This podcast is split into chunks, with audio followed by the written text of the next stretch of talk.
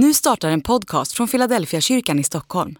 Om du vill komma i kontakt med oss, skriv gärna ett mejl till hejfiladelfiakyrkan.se. Dag 153. På spåret. Medan må tog Jesus ett bröd och efter att ha läst tackbönen bröt han det, gav åt sina lärjungar och sa Tag och ät, detta är min kropp. Och han tog en bägare och efter att ha tackat Gud gav han den åt dem och sa, drick av den alla. Detta är mitt blod, förbundsblodet, som blir utgjutet för många till syndernas förlåtelse. Jag säger er, nu kommer jag inte att dricka av det som vinstocken ger förrän den dag jag dricker det nya vinet med er i min faders rike. Matteus kapitel 26, vers 26-29. På spåret är nog ett av min frus mest uppskattade tv-program.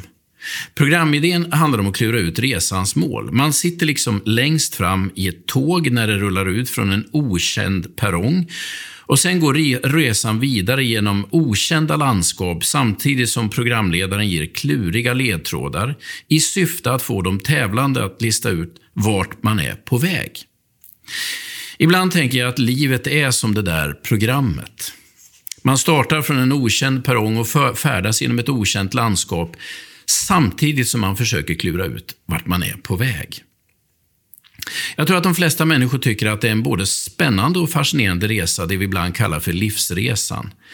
Men jag vet också att många blir lite uppgivna av att aldrig riktigt få veta varifrån, vart eller varför.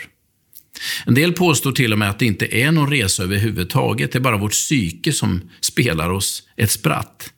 De säger att i verkligheten finns det vare sig något mål eller någon mening. Men jag tror att de flesta människor ändå tror på både mål och mening. Framförallt därför att man tycker att det finns en massa finurliga ledtrådar överallt, som låter oss ana en större tanke. Det är bara så svårt att lista ut vad de betyder. Nattvarden är lite som På spåret, med undantag för att det inte är särskilt svårt att förstå vart man är på väg. Den ger oss ett mycket tydligt svar på frågan Vart är vi på väg? Hela måltiden är en iscensättning av resans mål. Den säger att vi är på väg hem, till Guds hus. Den säger att vi har en plats vid bordet som står dukat vid tidens slut, när den stora festen brakar loss.